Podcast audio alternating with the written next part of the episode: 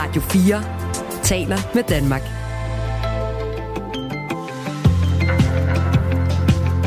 Velkommen til Radio 4 morgen. Og velkommen på en morgen, hvor vi øh, virkelig har blikket stiftrettet mod dansk politik. Der sker ret mange ting øh, på det øh, felt i øjeblikket. Øh, allersenest er jo, øh, som du også kunne høre i nyhederne, en politisk bombe, der landede sent i aftes, at Lars Bøge Mathisen er øh, blevet smidt ud af Nye Borgerlige, og dermed jo heller ikke er formand længere. Det kommer vi til at øh, kigge på lige om lidt. Vi kommer også til at kigge på Venstres øh, Stefanie Lose, som er ny midlertidig minister i regeringen, altså SVM-regeringen. Det er øh, sådan lidt et puslespil, der skulle gå op, fordi Jakob Ellemann Jensen stadig er på sygeoverlov, og øh, Troels Lund Poulsen har overtaget nogle af hans øh, poster. Og i sidste ende lander øh, Stefanie Lose altså som øh, økonomiminister, og hun kommer fra et øh, værv, som hun nu tager overlov fra, som øh, formand for regionsrådsformand i Region Syddanmark. Så derfor så skal vi tale med Jan Møller Pedersen, der er bestyrelsesmedlem i Lokalforeningen Holsted Hovborg Venstre, som øh, kender hele Stefanie Loses øh, måde at arbejde på ret godt, og som jo på den måde repræsenterer et bagland. Øh, vi skal også høre, om han øh, tænker, at hun øh, kommer tilbage til regionerne overhovedet, eller om hun nu kommer til at sidde fast inde på Christiansborg. Der er meget at sige om dansk politik, men ja. øh, kedeligt er det ikke. Det kan og man særligt ikke, ikke i de her år. Øh, det er godt nok øh, kulørt. Vi har fået en sms her fra vores lytter Kenneth Fischer. Jeg har stemt personligt på øh, Lars Borg Mathisen flere gange, og jeg kan ikke se, hvor jeg skal stemme nu, skriver han. Øhm, Christian skriver, Øv, Lars Borg Mathisen var den eneste fornuftige stemme under corona. Jan Købel fra øh, Bagsvær, som stemmer på Dansk Folkeparti, skriver, det kunne være interessant at vide, hvad best practice er for andre partier. Jeg tror ikke, at Lars Bøge Mathisen er så innovativ, at han bare selv kommer op med denne model for politisk afpresning. Jeg tror, han er inspireret af andre partier. Ja, det er da et egentlig meget interessant spørgsmål, vi øh, kan prøve at få svar på her til morgen.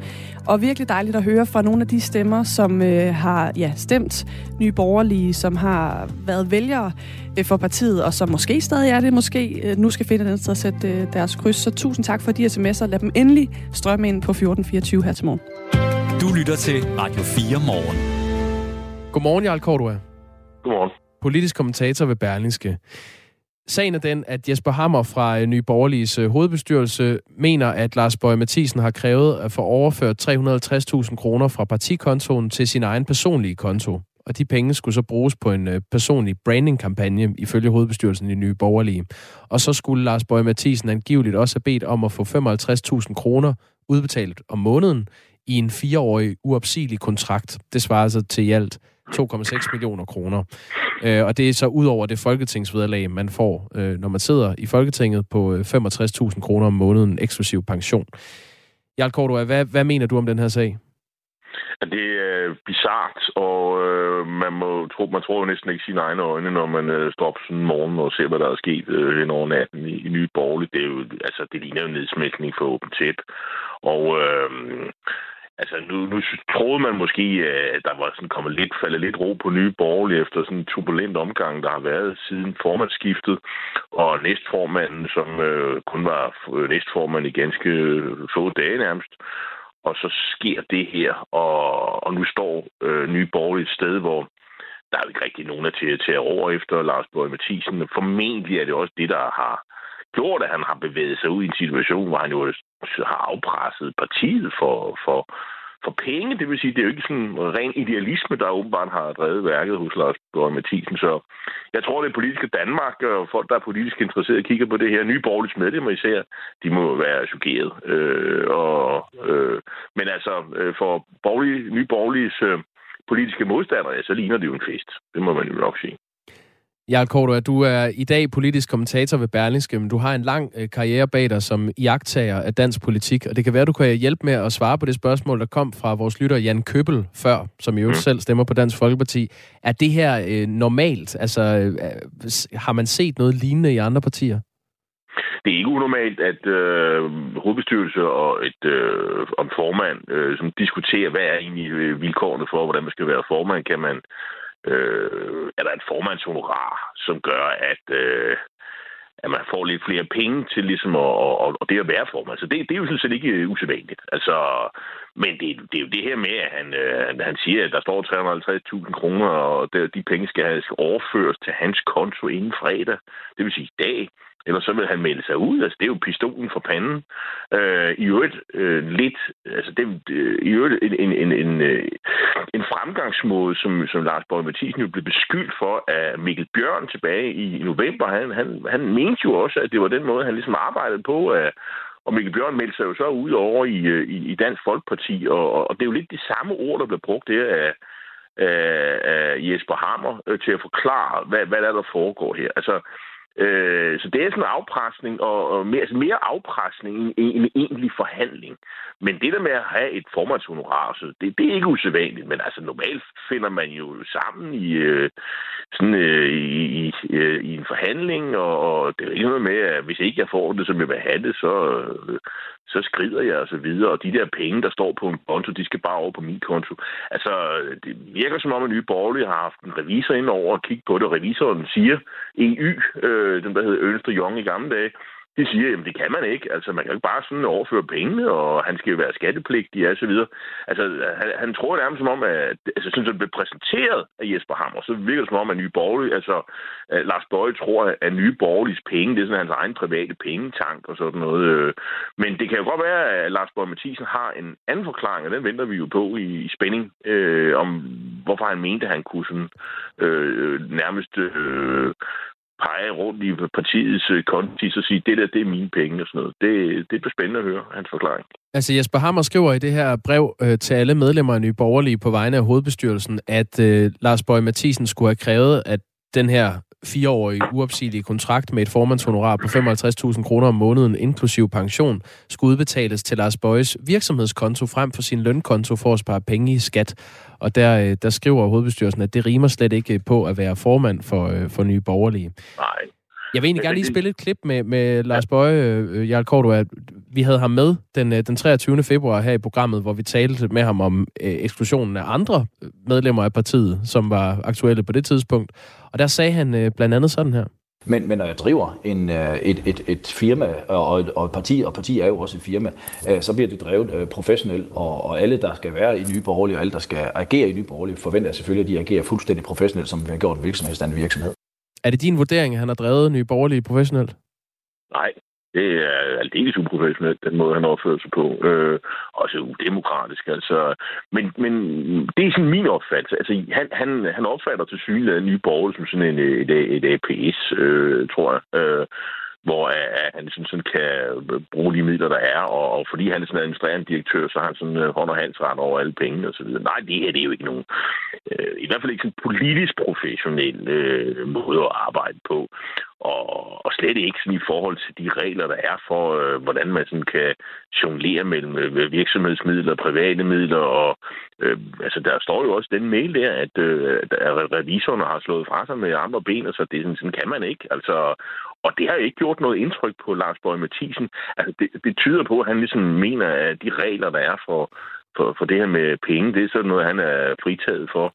Øh, og, og, og det var altså så ikke godt, og det, det, altså, det tyder på, at de, de eneste ansvarlige, der er i, i, i nye borgerlige, det er deres hovedbestyrelse. Altså, de, jeg, jeg, jeg, har ikke, jeg kan faktisk godt forstå, hvorfor de har gjort, som de har gjort. Fordi, øh, hvad skulle de ellers gøre? De er ansvarlige også over for myndighederne, fordi i, i forhold til de penge, der ligger, de kan jo ikke bare sådan øh, fordele penge ud. Sådan, øh, øh, det, det, det kan man jo ikke bare sådan... Øh, så, så, så jeg er svært ved at se, at de kunne gøre andet. Og, og, og, og det vil sige, det er dem, der har været de voksne i, i lokalet.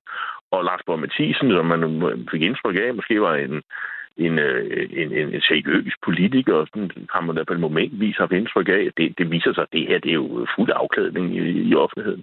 Han, han opfører sig jo som, øh, øh, som et, et barn i en slikbutik, øh, hvor han ikke vil betale, når han går ud derfra. Altså, det, det er helt vanvittigt, altså, det spørger mig.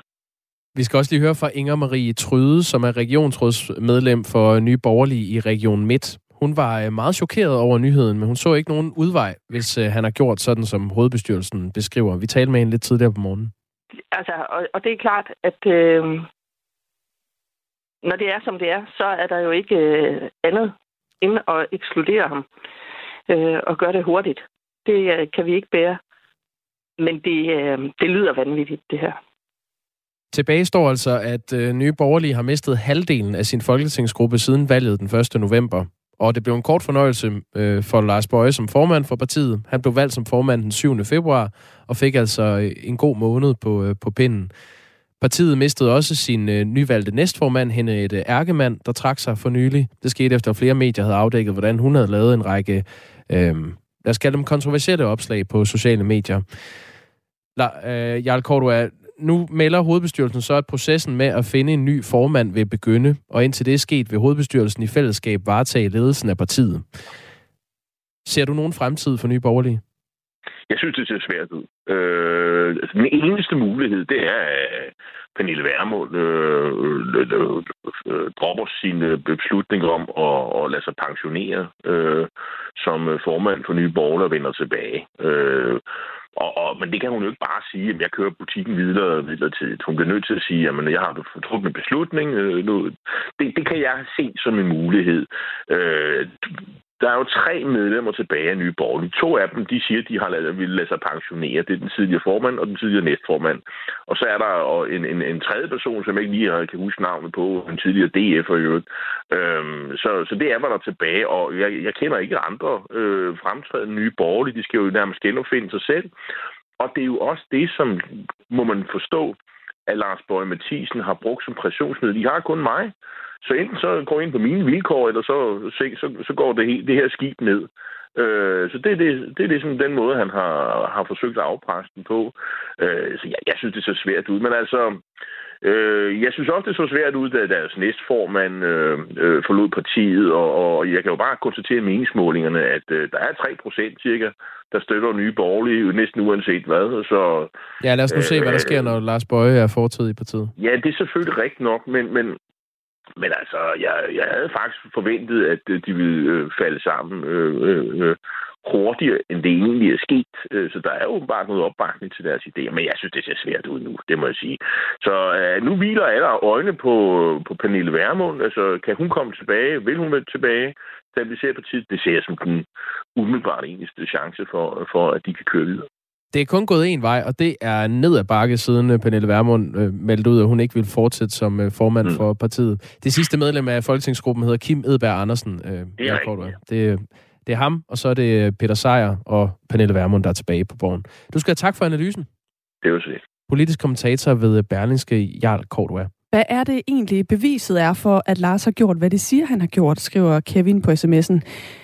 Det kunne jo for eksempel være rigtig spændende at spørge Lars Bøge Mathisen selv om, som vi selvfølgelig også rigtig gerne vil have med her til morgen, og som vi øh, har snor øh, ude efter, men øh, indtil videre har han altså ikke lige bidt på krogen. Vi forsøger også at få den øh, organisatoriske, eller hvad, hvad, hvad er det Jesper Hammer øh, retligt hedder? Nu skal jeg lige finde hans øh, titel. Han er Øh, Organisatorisk næstformand i partiets der. hovedbestyrelse. Præcis. Ham forsøger vi selvfølgelig også at få på, fordi øh, de mener altså, øh, at vide, at de sidder med, med rimelig tunge beviser i hovedbestyrelsen, nok til at ekskludere Lars Bøje.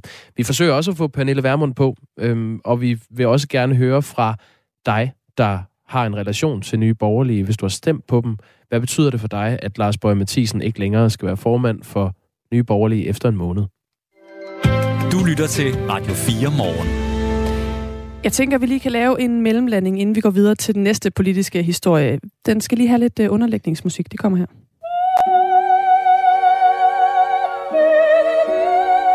Ja, nu til noget helt andet. Ja, det må jeg sige. Ja. Øh, jeg, jeg har tabt kæben. Det er det, det Bianca Castafori Fjorda? Det kunne det godt have været fra Tintin. Det er Puccini, øh, vi har gang i her. Ja. Ja, nå, men øh, altså det er ikke ham, der synger. Men øh, nå. Det er hans musik. Grunden til, at vi hører det her, er fordi, at der i Herning i øh, den seneste uges tid har braget opera ud af højtalerne i venteområdet mellem øh, togperronen og 7-Eleven og buslommerne. Ja. Det er sådan et område, hvor de har haft øh, problemer med ballademager, der har skabt utryghed på stationen. Og så har de tænkt, hvad skal vi dog finde på? Vi kan spille noget opera, fordi det er der ingen, der kan lide. I hvert fald ikke i Herning. I hvert fald ikke. Jamen, har, det, har det hjulpet? Ja, det har det faktisk. Altså, de har, øh, det, det er jo det, det er midt og vest, du må godt skrue lidt ned for det her, kan jeg mærke. Men jeg synes ellers, det er meget illustrativt. Ja, det er det jo sådan set. Man får lyst til at forlade lokalet på. Ja, ja, det DSB har indsat en vagt på øh, banegården, men det er jo ret dyrt at have sådan en, så derfor så prøver de nu det her lidt billigere alternativ, ja. hvor de sætter opera på, og så sørger for, at det, øh, det får simpelthen folk til at forlade øh, området omgående. De siger i hvert fald, at det virker at øh, en uge med musik har gjort en større forskel end det at ansætte en vagt. Det siger øh, en af butikscheferne på, øh, på banegården. Øh, og, og du siger, at de er meget mere trygge, når de står og arbejder i butikken, fordi de ikke skal tænke på, at der er ballademager derude. Jeg synes, det er ret vildt. Jeg, jeg kan faktisk godt lide opera. Så jeg synes, ja, det er helt vildt, også. at det har den effekt. For mig vil det være mere, øh, hvis det var øh, benhård metal ja. med growl og dobbeltpedal. Ja. Så, så vil jeg nok ikke øh, opholde mig og det er jo, sådan, det er jo nok der. det, der er ved den her måde at gøre det på. Altså, man kan jo risikere, at der er en ballade med der også kan lide opera. Ja. Men skal vi ikke sørge for ikke at skræmme alle ballademagerne, der lytter med på, til det her program væk? Vi, vi vil have dem alle for det. Godt. Du lytter til Radio 4 morgen.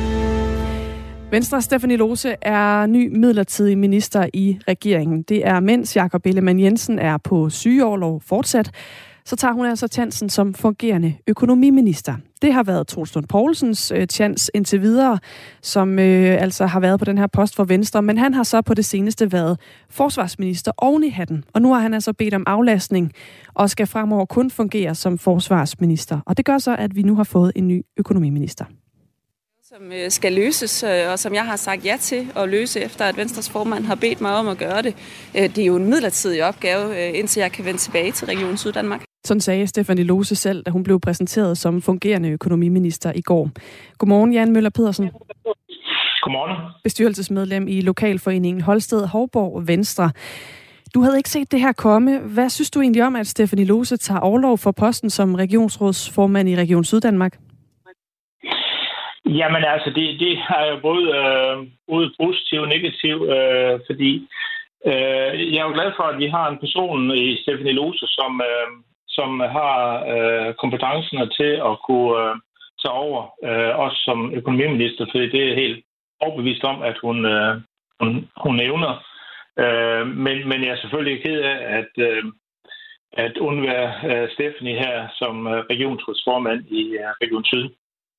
Og, øh, og, og samtidig kan man jo sige, det er jo så også lidt en signal om, at, at det nok tager lidt længere tid, inden øh, Jacob Ellemann han er, er tilbage fra sin sygeårlov. Altså det, at man, man nu har øh, valgt at, at sætte Stephanie på som, øh, som økonomiminister. Hvad får dig til at, også, at sige det? Altså, hvordan kan det være, du tænker, at det øh, kan man udlede ud af den beslutning? Ja, men jeg tænker, at hvis det var sådan, at man havde en, øh, en, en formodning om, at det var øh, noget med, at Jacob var tilbage i løbet af, af den næste måned, øh, så vil man nok ikke øh, træffe det skridt, tænker jeg. Det, det er ligesom det på, Jakob Ellemann Jensen selv lavede jo et opslag på Facebook i går, hvor han også nævnte den her rokade, men også øh, skrev, det går fremad med mit helbred, jeg er i gode hænder, og jeg glæder mig til igen at have en dagligdag på Christiansborg og i Forsvarsministeriet. Men jeg er også opmærksom på, at jeg skal være klar, inden jeg kaster mig over arbejdet igen, for jeg ved godt, at man ikke kan være hverken minister eller partiformand på halv kraft. Tror du egentlig, at øh, Jakob Ellemann Jensen kommer til at vende tilbage som formand for partiet? Det tror jeg, det tror jeg på, han gør, øh, helt klart. Øh, og jeg er da fuldstændig enig i, hvad han skriver, Jakob, at, at man skal, man skal jo vente til, man er klar. Det kan ikke hjælpe, at man forser øh, sådan en, en, en sygdom. Øh, altså, komme over den. Altså, man, man skal vente til, man er klar. Men, øh, men jeg tror da på helt klart, at han kommer tilbage. Altså, vi har jo også set andre øh, medlemmer af Folketinget inden for, for de seneste par år, som har, har været hjemme i en, i en periode øh, med, med forskellige stress. Øh, symptomer og har vendt tilbage på, på fuld kraft igen, når de var klar til det. Det, der jo selvfølgelig gør det lidt særligt for Jakob Ellemann, det er jo også, at han jo også har en formandsrolle at vende tilbage til, ud over sin ministerpost. Hvis nu vi bare sådan forestiller os et scenarie, hvor han ikke kommer tilbage til alle de kasketter, hvem ville så egentlig være den oplagte formand for Venstre? Ja, men det scenarie vil jeg egentlig ikke uh, gå ind i, fordi jeg mener, det er lidt media, medierne, som mener, at vi i Venstre, uh, ligesom som Venstrefolk skal forholde os til, hvem der skal hvem der skal afløse øh, Jacob Ellemann, og, og dermed accepterer jeg det præmis, hvis jeg begynder at forholde mig til, hvem, øh, hvad der så skal ske. Så, så det, øh, det vil jeg ikke øh, gå ind i, øh, i den øh, diskussion. Vi havde i går et interview øh, med Bente Bendix, som er tidligere byrådsmedlem for Venstre i Esbjerg gennem 20 år, og, øh, og ny formand for Varde Kommunes største lokale venstreforening. Hun havde sagt i et interview med Jyske Vestkysten, at Venstre skulle have en ny formand, hvis ikke Jakob Ellemann er fedt for fight før sommerferien. Så havde vi en så med øh, i Radio 4 morgen til at uddybe den pointe. stress, det er jo en voldsom belastning, både fysisk og mentalt, igennem meget lang tid. Og øh, hvis ikke man giver, hvad skal man sige, fuld fit for fight fra starten af, så har det med at trække meget lang tid ud. Og det betyder jo, at øh, hvis Jakob han ikke bliver fit for fight øh, inden for nogle måneder nu her, så står Venstre jo i et kolossalt problem, at vi mangler generalen på broen. Og, og det kan partiet jo ikke øh, leve med. Mener du, I kan leve med, at I ikke har nogen øh, general på broen, øh, hvis øh, vi kommer om på den anden side af sommerferien? Det vil jo tage til den tid. Der er også trods alt et stykke, stykke tid til, til sommerferien endnu. Øh, så så det, det tror jeg, vi må, vi må tage til den tid, øh, fordi øh, jeg, jeg tror ikke, det gavner nogen, og, og, og heller ikke øh, Jacob, at, øh, at vi har en masse gidsning om det ene og det andet, og hvis nu, og, og hvad hvis han ikke kommer tilbage. Øh, det, det, det tror jeg ikke, det, det hjælper øh, nogen overhovedet. Lad os øh, vende tilbage også til Stefanie Lose, som jo faktisk siden Jakob Ellemanns sygemelding i begyndelsen af februar også har været den organisatoriske formand, og så har indtil nu jo også været regionsrådsformand i Region Syddanmark, som hun så tager overlov fra nu for at kunne bestride den her øh, fungerende økonomiministerpost. Hvorfor tror du egentlig, at man har valgt lige præcis Stefanie Lose til den post? Jamen, jeg tror det er fordi, at øh, man, man har en forventning om, som jeg også har, at hun kan træde mere eller mindre direkte ind øh, i den. Altså, Stephanie øh, er, er, er rigtig godt inde i økonomien omkring, altså hvordan, hvordan øh, det simpelthen fungerer øh, inde i, i de øh, offentlige systemer med, med det økonomiske. Det er hun dybt inde i, øh, i regionen, og hun er jo også øh, både som regionsrådsformand og som formand for de danske regioner tidligere, har hun jo siddet og forhandlet med, med embedsmænd også fra, fra staten omkring det. Så jeg tror simpelthen, det er ud fra, at man udover, at hun jo så er øh, næstformand øh, i, i Venstre og fungerende formand, og, øh, og dermed har været, været inde over, over de der ting i forvejen nu her i, i Jakobs, øh, under Jakobs sygemelding, at man simpelthen har vurderet, at, at hun var den, øh, der kunne øh, mere eller mindre bedst øh, direkte træde ind i, øh, i den stilling. Det er jo et parti, der er sket øh, en del i i den seneste tid. Øh, dels gik I jo med i en regering hen over midten, så blev jeres formand sygemeldt og er væk fra de her poster, vi har talt om. Øh, og nu er det så også med, med lidt rokade og lidt ændringer også i forhold til, hvem der så styrer regionen Syddanmark. Hvordan er det egentlig at være en del af Venstre i den her sådan lidt turbulente tid? Jo, men det, det, det er da turbulent, som, som du siger. Altså, der, der er jo mange holdninger til det og, og, og forskellige ting. Altså, jeg hører til, øh, til dem, der absolut mener, at det er den rigtige valg, øh, at man ikke med i den her regering, fordi øh, netop som, som der er blevet også sagt fra, fra Venstres øh, ledelses side, så, så ønsker Venstre øh, at have indflydelse på, på Danmarks udvikling. Og det, øh, det får vi bedst ved at være med i, øh, i regeringskontorerne. Jeg ved godt, at der er nogen, der er sure over, at, at Venstre jo øh, sagde noget andet under valgkampen, men men vi må ligesom holde os til den situation, som var øh, efter, øh, da valgresultatet lå. Og, øh, og den var jo ikke til øh, nogen som helst form for, for flertal øh, i Blå Blok. Så kunne man jo sætte sig øh, der og, og, øh, og kigge på, hvad, øh, hvad nogle andre så øh, lavede øh, i Rød Blok øh, alternativt. Så, så det mener jeg var, var en rigtig beslutning. Men, men det er helt klart, at øh, der skal jo så også nogle resultater. Jeg, jeg, jeg mener netop, at den her regering, som jo så er en flertalsregering, at den har mulighed for at, at virkelig få, få gennemført nogle ting, og, og også nogle nødvendige reformer, som, som skal laves. Så, så jeg håber på, at, øh, at man formår at gøre det. Øh, det satser jeg på, og øh, hvis man gør det, så tror jeg også, at man øh, tror og håber jeg på, at man får belønning for det i den sidste ende. Tak fordi du var med her, Jan Møller Pedersen. Ja, velbekomme bestyrelsesmedlem i Lokalforeningen Holsted Hovborg Venstre. Vi kommer også til at øh, vende øh, den her historie med politisk redaktør Thomas Larsen klokken halv ni om en times tid her til morgen. Øh, blandt andet jo netop også, hvor Venstre står nu, hvor der er de her rokader, hvor øh, Stefanie Lose pludselig rykker direkte ind på øh, borgen. Det er en tid, hvor man næsten ikke kan sparke sig frem for vilde historier fra, øh, fra dansk øh, politik, og den anden er naturligvis, at Lars Bøge Mathisen er færdig som formand for Nye Borgerlige. Han er blevet ekskluderet fra Folketingsgruppen og fra partiet efter godt en måned på øh, formandsposten. Det, der ligger bag, skulle handle om nogle krav, som hovedbestyrelsen i Nye Borgerlige kalder abnorme og uhørte. Han skulle også være kommet med et ultimatum om, at han skulle have overført ca. 350.000 kroner der står på en intern underkonto i partiet til sin egen private konto til en personlig brandingkampagne ifølge hovedbestyrelsen. Der kommer mange sms'er, vi kan tage nogle flere på den anden side af nyhederne, der kommer lige om lidt, men jeg tager lige en fra Michael. Man kan ikke høre andet end Dansk Folkeparti i jublen på Christiansborg. Klokken er halv otte. Nu er der nyheder på Radio 4. Lars Bøje Mathisen er ikke længere formand i Nye Borgerlige, efter at han er blevet ekskluderet fra partiet.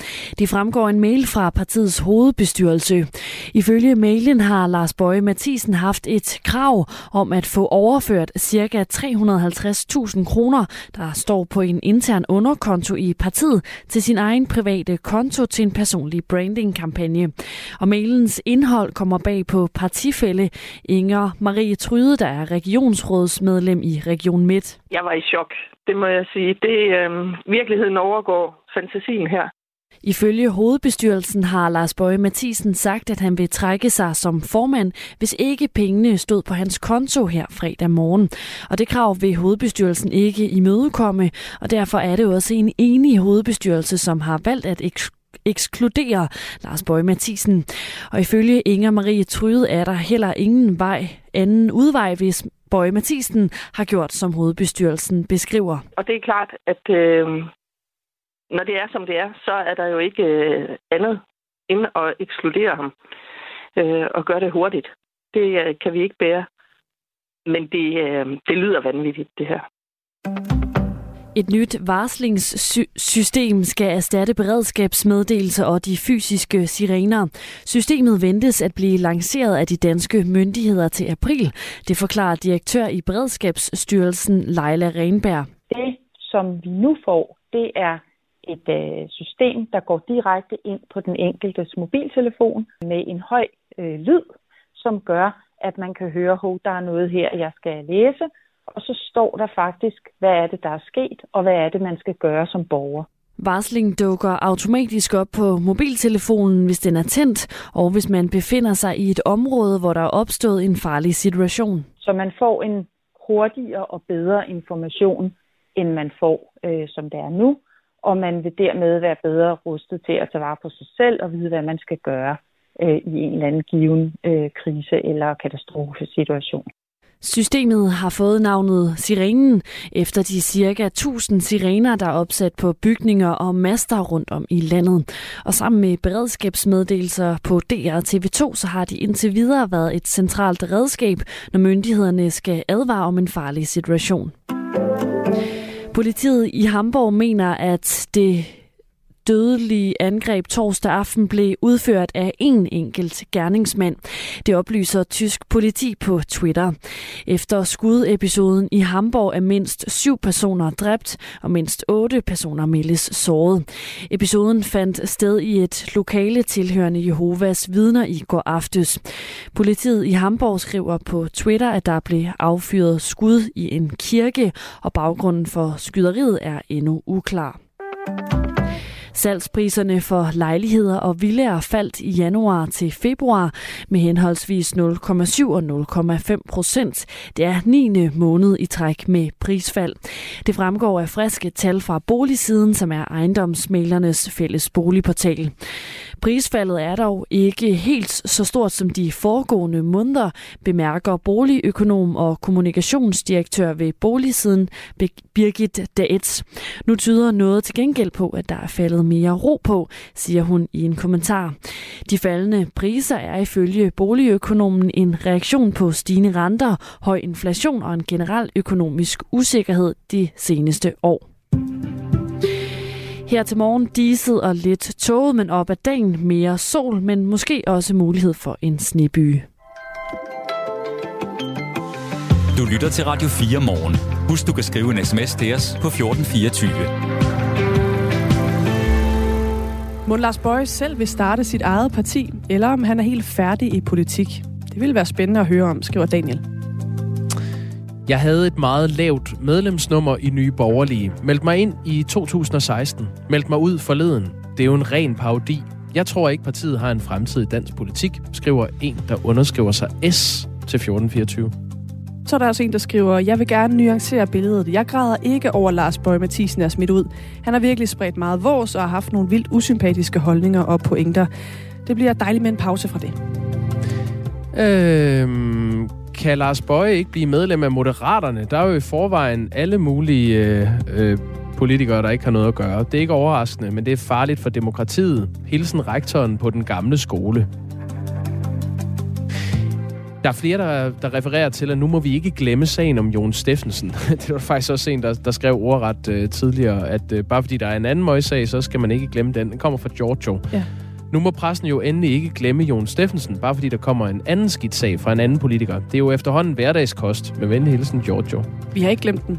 Nej, nej. Vi, øh, vi har også arbejdet på at få et øh, svar fra øh, gruppeformand i Moderaterne, Henrik Fransen. Vi har faktisk forsøgt at få et interview med ham tre måneder i streg. Og hver dag har han sagt, øh, det har jeg ikke mulighed for. Han har dog haft mulighed for at skrive til os, men ikke haft mulighed for at stille op. Men øh, skriv til mig igen i morgen. Ja. Og sådan har vi øh, danset rundt med ham de sidste tre dage. Men øh, han har altså igen den her morgen sagt, at det kommer ikke til at ske.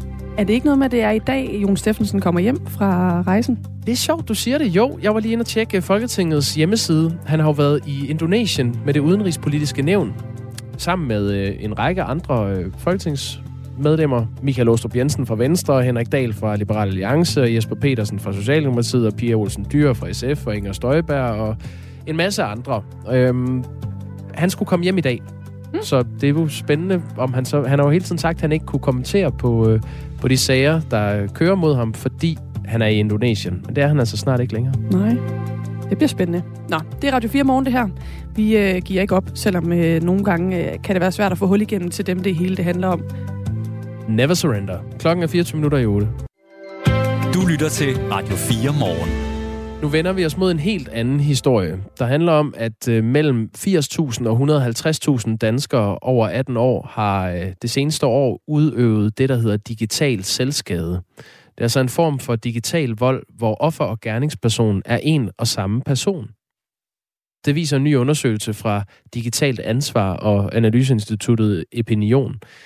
En af dem, der kender den her problematik øh, helt tæt på, er 26-årige Victoria Amalie Volsing Jensen. Godmorgen. Godmorgen. Hvordan udøvede du digital selvskade? Altså, det jeg gjorde, det var, at jeg gik øh, på den her hjemmeside, der hedder Ask, øh, da jeg var omkring 14 år. Øh, og så oprettede jeg nogle øh, kon, kon, konti. Øh, og så sad jeg bare og skrev til min ligesom, main-profil. Øh, alle mulige ting, som ja, hobbyhavet og dø og brænder op i helvede. Og, ja. Hvorfor gjorde du det? Jeg tror, det handlede meget om altså både kontrol, men også det her med, at jeg ligesom, det var lige perioden efter, jeg flyttede skole, fordi jeg var blevet mobbet på min gamle skole. Og jeg tror simpelthen, at den her mobning var så stor en del af mig, at jeg, jeg ved ikke, om jeg savnede den, men det var en form for tryghed for mig. Øhm, og så tror jeg også bare, at det var det der med, at det var kontrollen i, at så var det mig, der blev styret, hvad der ligesom blev sagt til mig og skrevet til mig. Så var det mig, der styrede, hvad jeg blev mobbet med, ikke? Altså det, her, det er jo et, et fænomen, hvor man øh, sådan set udsætter sig selv for øh, mobning eller, øh, eller skade på en eller anden måde digitalt. Øh, Øh, nu hvor du godt vidste, at det var dig selv, der skrev beskederne fra andre konti, hvordan føltes det så, da du åbnede de her beskeder, som egentlig var skrevet af dig selv? Altså, det gjorde, altså jeg, jeg vil faktisk sige, det gjorde lige så ondt, som hvis det var andre, der havde sagt det til mig, fordi det, jeg skrev til mig selv også, altså det var jo meget det her med, at jeg ikke var noget værd, og øh, jeg var ikke elsket, og jeg kunne lige så godt bare forsvinde fra jordens overflade, fordi jorden ville være et bedre sted uden mig. Og der tror jeg, altså, jeg tror meget, det var det her med, at jeg ligesom bekræftede mig selv i de ting, som var svære inde i mig. Øh, så uanset om det var andre eller mig selv, der havde sagt det, så tror jeg, det gjorde lige ondt, eller så gjorde det lige ondt, ja. Jeg tror, det er meget godt uh, lige at, at tage det allerede nu, øh, Victoria Amalie Volsing Jensen. Du er 26 år i dag, og det her det ligger jo en del år tilbage. Uh, bare lige for at få det kortlagt. Uh, hvordan har du det i dag?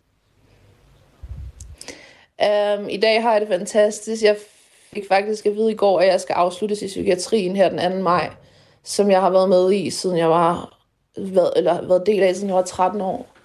Øhm, skal læse til sygeplejerske her efter sommerferien, og jeg bliver student her til sommer.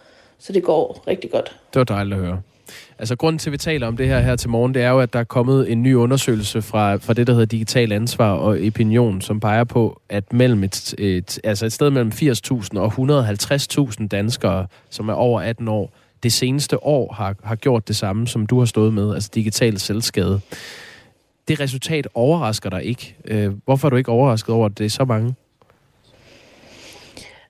Um, fordi uh, jeg kender til indersiden af psykiatrien, og jeg kender um, også i forhold til meget af det her, der er med på de sociale medier, altså særligt Instagram med at dele selvskadende indhold og sådan, det har jeg også selv været en del af. Så, så jeg ved, at der er rigtig mange mennesker, der er en del af det her, og det har jeg altid vidst, så det overrasker mig egentlig ikke. Men det bekymrer mig så derimod, ikke? Um, så. Ja, hvor, hvorfor bekymrer det dig? Fordi at hvis, hvis unge mennesker i dag har, og voksne mennesker stadigvæk har, altså har det behov for ligesom at udøve den her selvskade hjemme, så det er jo fordi, de ikke får den hjælp, de har behov for, og det synes jeg i hvert fald er noget, man bør kigge nærmere på. Men hvad er det så for en hjælp, de skal have, og hvorfor får de den ikke? Man kan dele øh, digital selvskade op i tre forskellige typer. Øhm, der er det, der hedder autotrolling, hvor man opretter falske profiler og sviner sig selv til på sociale medier. Det er det, du har øh, stået med. Så er der det, der hedder self-baiting, yeah. altså hvor man bruger sig selv som lokkemad for hadefulde kommentarer, ved for eksempel at udtrykke en kontroversiel holdning på sociale medier, og så ellers bare lade hadet øh, komme mod en.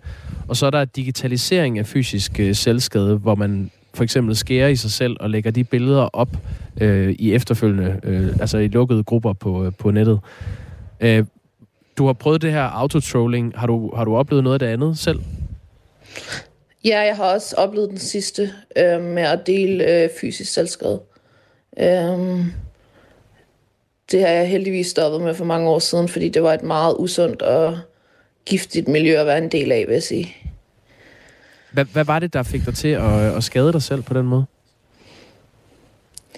Jamen, altså egentlig så, altså jeg har jo været selvskadende siden jeg var meget ung. Øhm, og så flyttede jeg på bosted og fik en veninde, som ligesom viste mig, hun var en del af det her, øh, det hedder, øh, det der hedder Priv på Instagram, øh, et lukket fællesskab.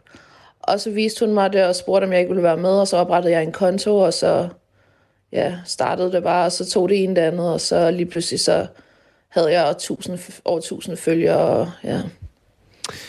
På baggrund af den her undersøgelse anbefaler foreningen Digital Ansvar ifølge en artikel fra DR blandt andet, at regeringen bør overveje at kriminalisere åbenlys visuel gengivelse af selvskade. Det betyder ikke, at, øh, at psykisk øh, sårbare, der deler selvskadende indhold på internettet, selv skal straffes, men det betyder, at de sociale medier skal have en pligt til at fjerne indhold, der viser selvskade. Øh, det er altså et krav, der ikke findes på nuværende tidspunkt. Tror du, sådan et tiltag ville kunne gøre en forskel? Nej, det tror jeg ikke, fordi altså, jeg tror simpelthen, altså det ved jeg fra mig selv, at de unge, de er simpelthen så afhængige af at dele det her. Øhm, det, bliver nær, det bliver jo nærmest en afhængighed, ligesom det her med at få den støtte og være i det fællesskab og have den gruppeidentitet, man får af at være i det her fællesskab. Så jeg tror, at det vil foregå på en eller anden måde, uanset om det bliver, altså om der bliver lavet en lovgivning omkring, at øh, øh, de sociale medier skal straffes for dem. Altså jeg tror, man vil finde en vej uanset hvad, fordi man har jo det her store behov for at skade sig selv, og, og så kommer man ind i et fællesskab, og det fællesskab kan man ikke bare lige slippe. Hvordan kan man så bedst hjælpe de folk, der står i en lignende situation, som du stod i, da du udøvede digital selvskade? Altså, jeg tror, det har meget at gøre med ligesom at finde ud af, jamen, hvorfor er det, personen har, har det her behov, og hvad er det, personen ligesom får ud af det.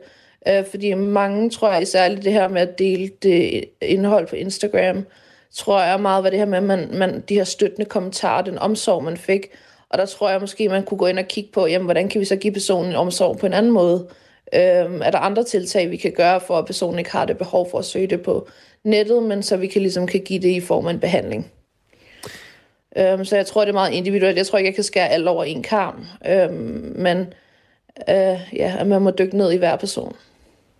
Du skal have tak for, at du øh, delte din oplevelse her i Radio 4 morgen. Jamen, selv tak. Victoria Amalie Volsing Jensen.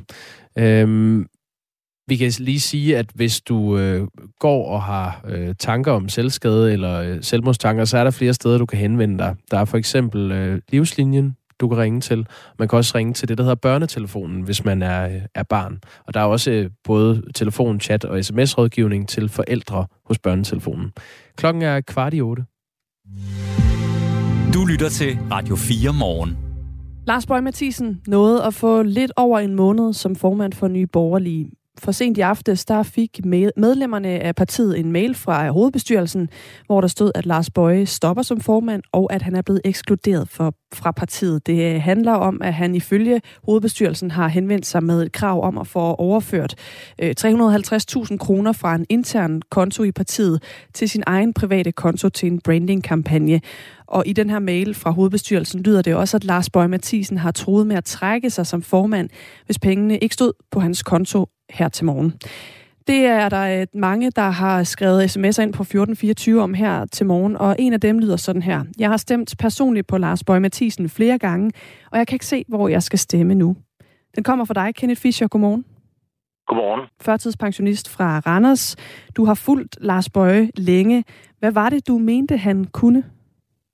Ja, man kunne sætte ord på... Øh, altså, det er nemt nok at sige, at der er spild i den offentlige sektor, og man skal betale mindre skat, men han kunne sætte ord på, hvor den spild rent faktisk fandt sted henne, og, hvor, hvor, og hvad det ville betyde, at man øh, sænkede skatterne, og hvad det ville betyde både positivt for borgerne, men også hvor der skulle skæres i den offentlige sektor.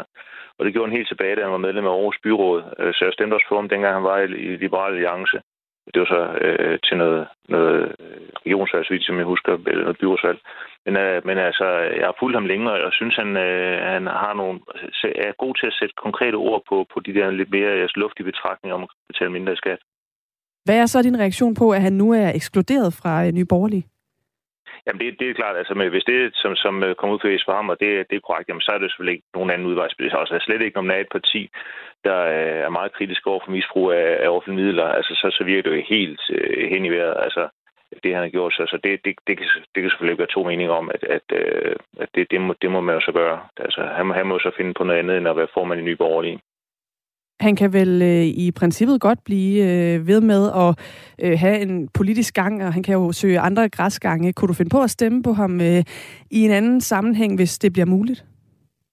Det, det tror jeg ikke, for det virker lidt utroværdigt. Ikke? Altså, jeg var også meget begejstret for ham, også da han blev formand, fordi jeg synes, at han, han var ikke så fokuseret på, på udlændingedebatten, som, som de andre var. Altså, han var ikke involveret i det der med at køre sådan en, en øh, højere drejning i en konkurrence med Dansk Folkeparti, Nye Borgerlige, med, med, eller med, med Dansk Folkeparti og Danmarksdemokraterne den er mere fokus på, på det, som jeg synes gør Nye Borgerlige unik, nemlig at de har en liberal økonomisk politik og en nationalborgerlig værdipolitik. Øh, og der var han god til at præsentere det, det økonomiske. Men det virker bare lidt dobbeltmoralsk, hvis, hvis han øh, har været ude øh, for sådan at i personlig vinding at blive formand for partiet og afpresse partiet for, for øh, at få noget personlig gevinst ud af det, så det virker lidt utroværdigt, hvis han så samlet skal kritisere den offentlige sektor, og det øvrige politikere for at rave til sig med skattefri godtgørelser, gode pensioner og udvalgsture til Indonesien. Så, så, så, så, så det, det kan man jo ikke. Du skriver også i din sms ind til os, at du ikke kan se, hvor du skal stemme henne nu. Tror du egentlig, der er en fremtid for nye borgerlige? Altså, det er der for deres politiske holdninger, ikke? Fordi jeg kan jo godt stemme på Liberale Alliance, det bliver nok også det, jeg gør. Øh, men de har jo sådan en, en meget, øh, sådan, øh, hvad kan man sige, sådan global udsynsvinkel på, på, på værdipolitikken, ikke? hvor jeg så mangler det der nationalkonservative, som, som øh, Dansk Folkeparti og, og Danmarksdemokraterne har. Men deres øh, økonomiske økonomisk politik er jo næsten længere til venstre end Socialdemokratiet. Så der, der mangler det der parti, som ligesom kunne, kunne mønstre begge dele. Ikke? Så, så derfor bliver det lidt svært at finde. Altså, der er jo et parti, der har præcis de holdninger. Jeg ved godt, at alle siger, at nu bliver Dansk Folkeparti glade og sådan noget. Men det er jo kun fordi, at der er mange, der helt har overset, at den Nye borgerlige økonomiske politik er jo fuldstændig flugt og fuldstændig med, med Liberale Alliances øh, men at de har en helt anden værdipolitik, så, så det, det bliver, øh, der er helt klart en plads for deres økonomiske politik, øh, eller den politik, de har i Nye Borgerlige, men jeg kan bare ikke sige, hvem der skulle kunne præsentere den troværdigt fremadrettet. Er det derfor, du heller ikke øh, tænker, at det der dit kryds skal sættes, altså hos det parti? Ja, fordi jeg kan godt lide at stemme, øh, stemme personligt, fordi at det er jo trods alt individer, man vælger ind. Og specielt hvis man kan finde nogen, man kan stemme personligt på, som ikke står allerøverst på, på, på listen, fordi så kan man få en indflydelse på, hvem det er, der bliver valgt ind og præsentere den politik, man står for. Og der kan jeg simpelthen ikke se, at der er nogen i, i, i Nye Borgerlige, øh, som, som ja, ja, med god, øh, med, med, med, med, med god øh, følelse i maven kan stemme på. Altså, det, det er lidt svært at se. Tak, Kenneth Fischer, både for dine sms'er og for snakken her. Det var så lidt. Godmorgen. I lige måde, som altså havde øh, skrevet ind på 1424. Det kan du også gøre, øh, dig der lytter med, hvis du har input til programmet. Og jo øh, også igen meget gerne, hvis du øh, selv, ligesom Kenneth Fischer, tidligere har stemt på øh, Nye Borgerlige eller på øh, Lars Borg Mathisen, som øh, han jo altså havde flere gange, og som øh, måske har efterladt dig med øh, den samme følelse som Kenneth Fischer, en følelse af, hvor skal jeg nu gå hen med min stemme, hvem skal jeg nu sætte den på. Klokken er 10 minutter i 8. I det sidste måltid på Radio 4 spiser Lærke Kløvedal et måltid mad med en kendt dansker. Jeg er fandme god, den her is. Har du mere? De taler om livet og døden, og sammen skriver de gæstens nekrolog. At være midt i en kærlighedsakt. Men det er sådan, jeg godt kunne tænke mig at dø. Lyt til det sidste måltid på søndag kl. 10 eller i Radio 4's app. Men nu får du mig langt ud på dybt vand her. Radio 4 taler med Danmark. Vi har fået øh, vores øh, kollega Mathias Bunde i studiet. Hej Mathias. Hej. Du sidder ude på den anden side af ruden og øh, ringer på livet løs til øh, Nye Borgerliges øh, bagland. Øh, hvem er det, du prøver at få fat i, og hvorfor? Jamen lige nu prøver jeg selvfølgelig at få fat i nogle folketingskandidater, øh, Pernille Værmund, Kim Edberg og, og Peter Sejer, for at høre deres syn på, på hele situationen. Og så prøver jeg selvfølgelig også at få fat i Lars Bøje, for at høre, vi har jo kun udlægningen fra hovedbestyrelsen, altså den mail, de har, de har sendt ud til alle deres medlemmer, men vi har jo ikke hørt fra Lars Bøje, hvad han siger til det hele. Og så prøver jeg også at få nogen med øh, fra hovedbestyrelsen, fordi jeg vil rigtig gerne spørge ind til, til, til, hvordan helt præcis Lars Bøje han har bedt om de her penge, og hvorfor hans begrundelse for, at han skulle have de her honorarer. Han har jo, ja, som de skriver, bedt om, om, om 55.000 månedligt over, over fire år i en, øh, i en, en fireårig uopsigelig kontrakt, og det er jo så ud over hans øh, folketingsvederlag, der er på øh, over 65.000 kroner månedligt. Og det bliver jo ret mange penge, som han, han har bedt om.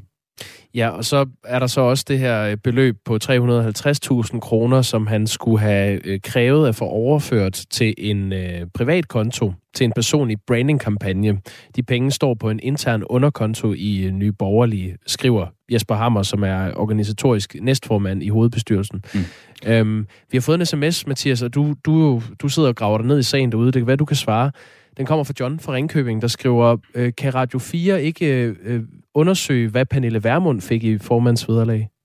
Øh, jo, det har jeg prøvet at undersøge. Jeg har talt med Lars Kåber, han er tidligere pressechef i Nyborgerlige og har arbejdet tæt sammen med Pernille Vermund. Han fortalte mig, at 55.000, det er altså rigtig meget. Og i forhold til Pernille Vermund, så fik hun altså intet honorar, fortalte han mig. Så Pernille Vermund fik sit, øh, sit folketingsvederlag, men ikke noget honorar udover. Nej. Det er det, Lars Bøje har bedt om at få. Ja, hun fik ikke noget honorar fra Nye Borgerlige for ligesom at være formand, som det er det, Lars Bøje nu gerne vil have oven i sit folketingsvederlag. Ja, præcis. Mathias, du skal ud og ringe videre. Vi håber, at det øh, bliver frugtbart på en eller anden måde. Det håber jeg også. 8 minutter i 8 er klokken, og du kan fortsat skrive ind til os på 1424, hvis du har spørgsmål. Mathias er også mand for at undersøge sagen. Det her er Radio 4 morgen. Et nyt digitalt varslingssystem træder i kraft fra april måned. Det hedder Sirenen, meget passende, og skal supplere fysiske sirener og beredskabsmeddelelser. Det betyder, at hvis der er en brand i nærheden af dig, som udvikler sig med farlig røg for eksempel, så vil du kunne blive advaret med en gennemtrængende tone og en meddelelse om det på din smartphone. Godmorgen, Nina From Andersen. Ja, godmorgen ekspert i risiko- og krisekommunikation og underviser på katastrofe- og risikomanager-uddannelsen på Københavns Professionshøjskole. Vil du ikke starte med at fortælle os, hvordan det her nye redskab det egentlig fungerer i praksis? Jamen, det her nye redskab, det er jo en bevægelse fra den sirene, som øh, øh de fleste nok kender, øh, som er blevet testet øh, en gang om året, og hvor der er en, øh, en række sådan, sirenemaster øh, rundt omkring. De fleste øh, mennesker i landet, øh, de vil sandsynligvis ikke kunne huske, at de er blevet varslet i virkeligheden, men de er, kan godt huske, sandsynligvis de fleste, at denne her øh, sirene den bliver testet en gang om året. Nu bevæger vi os et skridt videre, så nu bevæger så det, som der er udviklet fra Bredelsesstyrelsen og Rigspolitiet, det er et system, hvor den sirenevarsling kommer ind på en telefon, på folks telefoner, hvis de har en smartphone. Og ikke nok med, at det giver en, en, en lyd, der er gennemtrængende. Der kommer også en tekstbesked op på skærmen, hvor der i virkeligheden ikke står ret meget. Og, det, øh, og jeg kunne måske godt have foretrukket, at der stod lidt mere, men der kommer til at stå, hvad er det, der er sket, og så kommer der til at stå, at nu skal man søge nærmere information øh, i medierne, nu skal man søge nærmere information på Danmarks Radio øh, omkring, hvad det er, man skal gøre, og hvad er det for en hændelse, sådan kort fortalt, man bliver varslet for. Så det vil sige, at øh, der, for det første så kan man nå ud til øh, en, en mere specifik, en mere præcis målgruppe, hvis det her er meget, meget lokalt afgrænset. Øh, så det er færre mennesker, man, man rammer. Man rammer mere geografisk præcist, for det første. For det andet det her med, at der er en indledende beskrivelse af, hvad er det, der er sket, øh, og hvorfor er det, man skal søge nærmere information, og hvor skal man gøre det henne. Det er det, der er, det er, det, der er udviklingen i forhold til det gamle sirenvarslingssystem. Er det et supplement til det gamle system, så man stadig også kan være sikker på, at man hører sirenen, hvis nu man for eksempel ikke har en smartphone? Ja, ja lige præcis. Ja. Så, så den gamle, det gamle system bliver ikke, øh, bliver ikke udfaset. Øh, og, og det er rigtig, rigtig vigtigt, fordi det er faktisk, øh, selvom mange mennesker tænker, at smartphone, smartphones det er en, en del af vores allesammens hverdag, så er der altså mennesker, der ikke har en smartphone. Så, så derfor er det rigtig, rigtig vigtigt, øh, at det gamle system ikke bliver udfaset.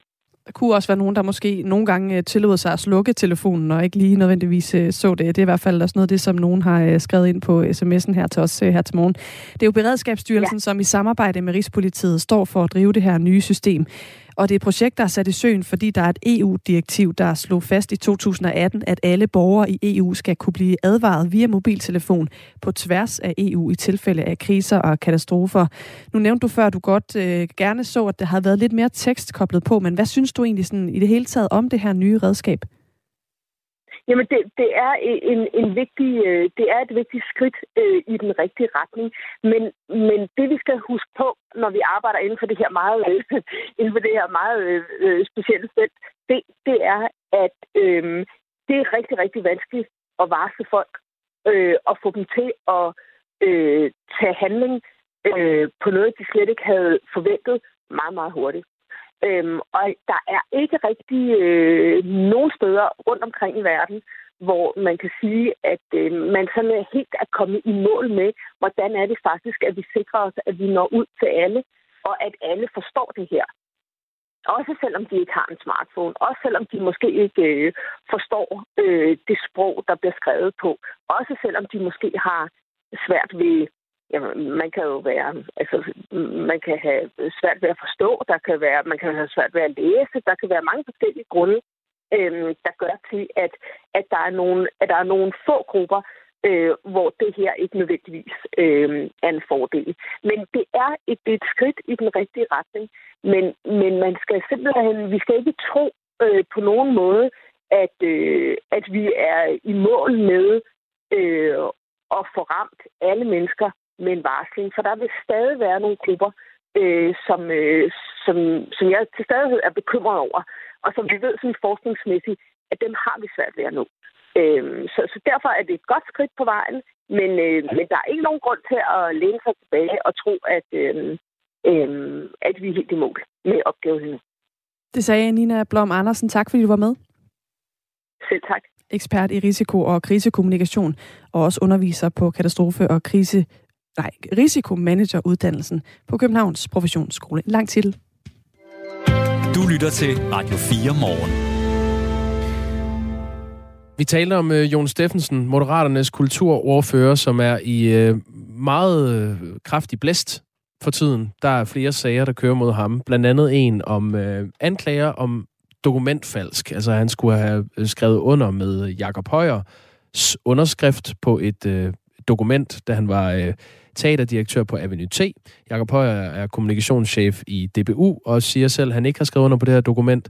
Og så er der en lydfil, der øh, fortæller et og andet. Det er en, der er blevet bragt frem af børsen. Du har måske hørt den, men for en god undskyld kan vi lige tage den. Jakob Højer.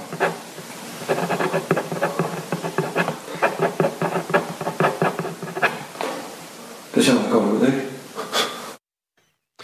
Og øh, Jon Steffensen har altså været på øh, rejse med det udenrigspolitiske nævn til Indonesien hele ugen, og har derfor øh, sagt, at han ikke kunne kommentere på øh, de her historier, der har kørt mod ham i løbet af ugen. Men her til morgen er han landet, og DR har talt med ham. Ja, og der siger han til DR, jeg har ikke forfalsket en underskrift, og jeg har ikke mere at sige. Den slags skal afgøres i retten, hvor lydfilen skal evalueres og lægges frem. Det håber jeg, I har respekt for. Det har han simpelthen sagt øh, i ankomsthallen, hvor øh, det jeg mødte ham her 20 minutter over syv her til morgen, øh, altså netop hjemvendt fra Indonesien. Og det er så også på et bagtæppe af, at øh, formand for Moderaterne og i øvrigt Danmarks udenrigsminister Lars Løkke Rasmussen har været øh, kaldet til at kommentere på sagen. Han har ellers tidligere udtrykt 100% tillid til Jon Steffensen. Den tillid er øh, nok ikke på 100% mere, men han har ikke rigtig taget stilling til sagen. Han siger, at det, det må Jon Steffensen selv forsvare, hvad der er op og ned i den sag. Nu klokken 8.